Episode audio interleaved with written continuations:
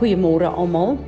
Dit is so heerlik om ver oggend met julle te praat en as ek hier deur my studeerkamer se venster kyk en ek kyk na die pragtige natuur, die plante groei en die blomme en die voëls, dan is dit met dankbaarheid in my hart wat ek kan buig voor hierdie Skepper God van ons en weet dat alles wat ons sien, het hy geskape en alles hou hy in stand, so ook vir my en vir jou. Daar is soveel mense wat in hierdie tyd vir my vra, wat is my opinie oor wat aangaan in die verkiesing in Amerika. Nou ons weet presies hoe belangrik Amerika is nie net vir Amerika nie, maar ook vir die nasies van die wêreld wat ons insluit ook. En ons weet teen hierdie tyd al dat daar 'n geweldige geveg aan die gang is in die gees oor die uitslag van hierdie verkiesing en baie mense wat nou maar opstaan en sê nee Biden het gewen en ehm um, dit is die nuwe pad wat ons gaan stap as ons kyk na wat die Here vir ons gesê het deur hierdie verkiesing, het hy deur baie uh, bekende profete van integriteit geprofeteer en gesê president Trump sal twee termyne daar wees vir dit wat God op aarde wil laat doen. En uh, op hierdie stadium sien ons in Amerika waar baie profete opgestaan het en self vergifnis vra en sê hulle het die Here verkeerd gehoor en uh hulle draai om en hulle onderwerp hulle aan aan die uitslag volgens hulle van Biden wat aangaan. nou wanneer die Here vir jou profeties 'n woord gee. God met alle respek gesê is nie deurmekaar nie. Wat hy sê sal uitkom. En dan is dit baie sleg dat mense kyk na omstandighede en toelaat dat die media en omstandighede vir hulle sê wat God vir hulle eintlik moes gesê het. En ons sien dit op hierdie stadium in Amerika.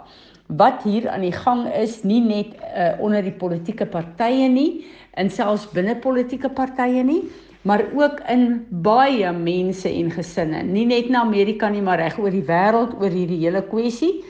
Dan kyk ons na die skrif wat Jesus gesê het in Lukas 12 en ek lees dit vir ons uit die amplified. I have come to cast fire judgment upon the earth and now I wish that they were that it were already kindled. I have a baptism baptism of great suffering with which to be baptized and how greatly I am distressed until it is accomplished. Do you suppose I came to grant peace on earth? No, I tell you, but rather division between believers and unbelievers. For from now on, five in one household will be divided three against two and two against three. They will be divided father against son and son against father, mother against daughter and daughter against mother, mother in law against daughter in law and daughter in law against mother in law. En dit is baie interessant om uh waar hy ook kom en hy sê uh when you see a cloud, a cloud rising uh in the west you immediately say it is going to rain and that is how it turns out. And when you see a south wind blowing you say it will be hot today and it happens. You hypocrites play actors pretenders. You know how to analyze and intelligently interpret the appearance of the earth and the sky, the forecast of the weather, but why do you not intelligently interpret this present time?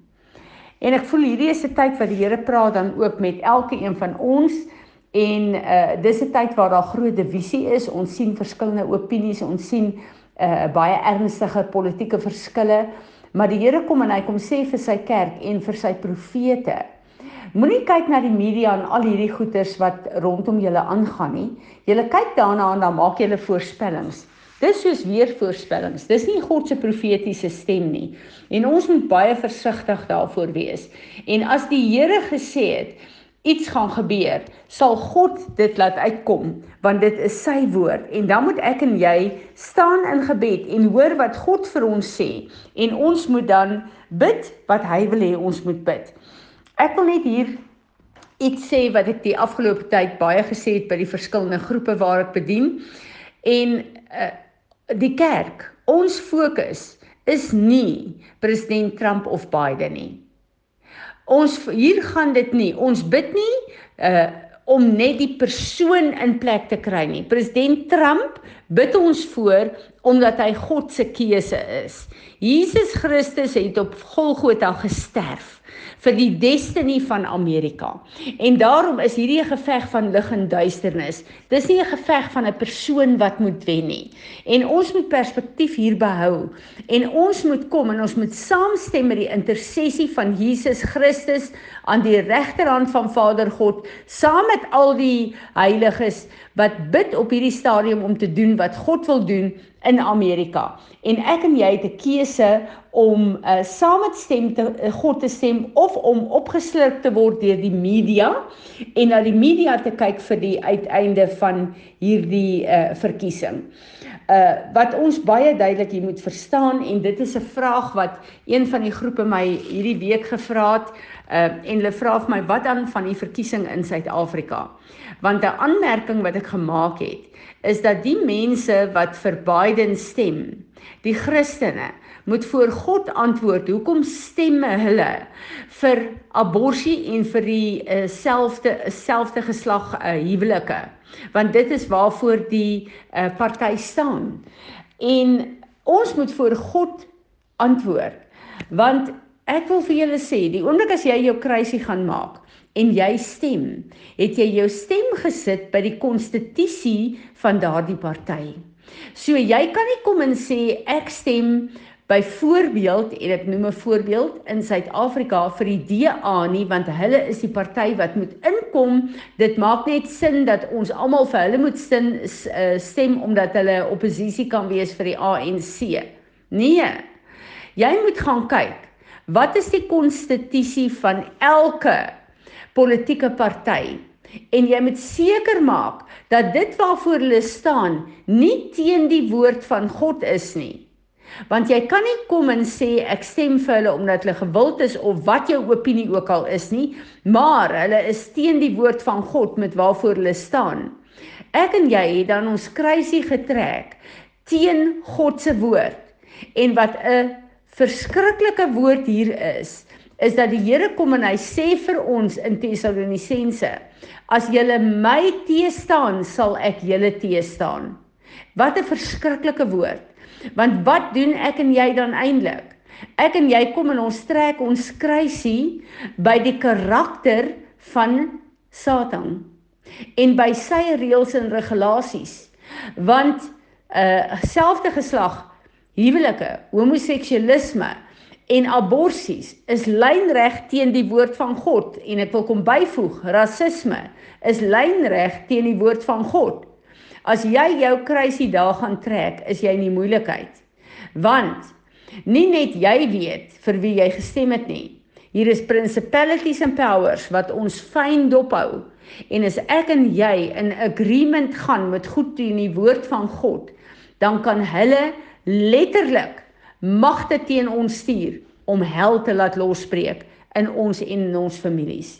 Hiermee wil ek vir julle sê, in hierdie tyd moet ons meer as ooit tevore vas staan in wat die Here vir ons sê. In hierdie tyd is dit nodig om nie net te bid vir ons regering nie, maar ook vir Amerika en vir die geweldige korrupsie wat daar is met hierdie stemme en dat die Here elke ding aan die lig sal bring en dat hierdie hele situasie ten goeie sal meewerk volgens Romeine 8 vers 28 en dat hierdie oorwinning so 'n getuienis sal wees van wie is die God wat ons dien en hoe is hoe lyk my plek en jou plek en hoe lyk die plek van intersessie en gebed? Is ek en jy op 'n plek waar ons God eer? Want om intersessie te doen sê Here hier is ek om te bid wat U wil bid Ek kom eer U, my liefde vir U. Kom dring my om te staan, om my mond en my liggaam te gebruik as 'n intercessor om saam met al die stemme oor die wêreld vir U te staan en te sê Here, wat in U o reg en goed is, kom staan ons voor en ons bid dat dit sal geskied in die naam van Jesus Christus, sodat kan uitkom ook deur hierdie verkiesing dit wat op u hart is vir Amerika en vir die nasies van die wêreld. Ek hoop dit het julle so 'n bietjie gehelp en bietjie insig gegee. Piet, nou wil ek vir jou vra, bid asseblief vir ons en bid asseblief vir al vra vir die Here vergifnis vir die verwarring wat deur die media in ons kom en ons maak opnuut weer 'n besluit om te sê Here, hier is ons as u intercessors. Baie seën vir julle. Ja, ek wil kom vergifnis vra dat ek self in hierdie gat getrap het waar ek van die media begin luister het en dat hulle my geloof en my denke wat u sê begin draai het, Here. Here, ek wil kom vergifnis vra hiervoor. Here, ek wil vir u vra dat dat u vir ons sal wys in hierdie tye waar ons is, Here, waar waar dinge eintlik maar vir ons almal half moeilik is en waar ons half voel dat hier's hier's hierdie berge om ons wat wat op ons begin val, Here. Here, dit dat ons by u voete sal gaan sit, Here. Jy weet dat ons by u sal kom sit en by u sal hoor wat u oor elke situasie sê en elke ding wat in die wêreld aangaan, op wêreldgebeure in ons land, in ons dorp, in ons besighede, in ons eie lewens, in ons eie familie se lewens, Here, en vir ons persoonlik. Jy weet dat ons op elke vlak van ons lewens sal kom luister en by u voete sal kom sit en kom hoor wat u sê. Here, en vergewe ons dat ons dit nie doen nie. Vergewe ons dat ons na die wêreld kyk en dat ons voorspellings wil maak en allerlei goeders wil doen. Here, dat ons nie u woord optel en met u kom gesels en hoor maar wat het u te sê oor die wêreld en waar ons is nie. Wat is u plan en wat is u strategie nie? Here, dat ons ons eie goed wil doen, dat ons ons eie planne wil maak en dat ons ons eie rigting wil kies, Here. Here, vergewe ons vir dit. Here, help ons op 'n praktiese basis elke dag by u voete te kom sit dat ons werklik sal kan doen wat Paulus vir ons sê waar hy sê bid geduldig deur. Jy weet dit ons werklik geduldig deur sal bid oor elke situasie en elke ding. Jy weet wat in ons lewens gebeur, hoe klein dit ook al mag wees en hoe groot dit ook al mag wees, Here.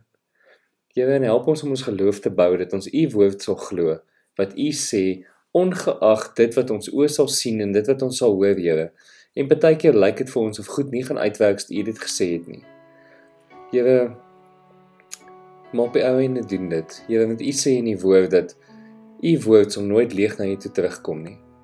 Here, ek wil net Amerika vir U kom oplig en die wêreld gebeure vir U kom oplig, Here. En ek wil vir U vra dat dat U wil sal geskied, Here. Weet dat U woorde wat U uitgespreek het al vir hoe lank, Here, dat U woorde sal begin manifesteer op hierdie aarde. Here, en dat ons die geloof sal lê om in dit te kan loop. Here, wys vir elkeen waar hy is en wat hy moet doen en hoe sy pad lyk in die wêreld gebeure vandag, Here. Dankie dat U ons nie los nie. Dankie dat U saam met elkeen van ons is, Here. Dankie, Here. Amen.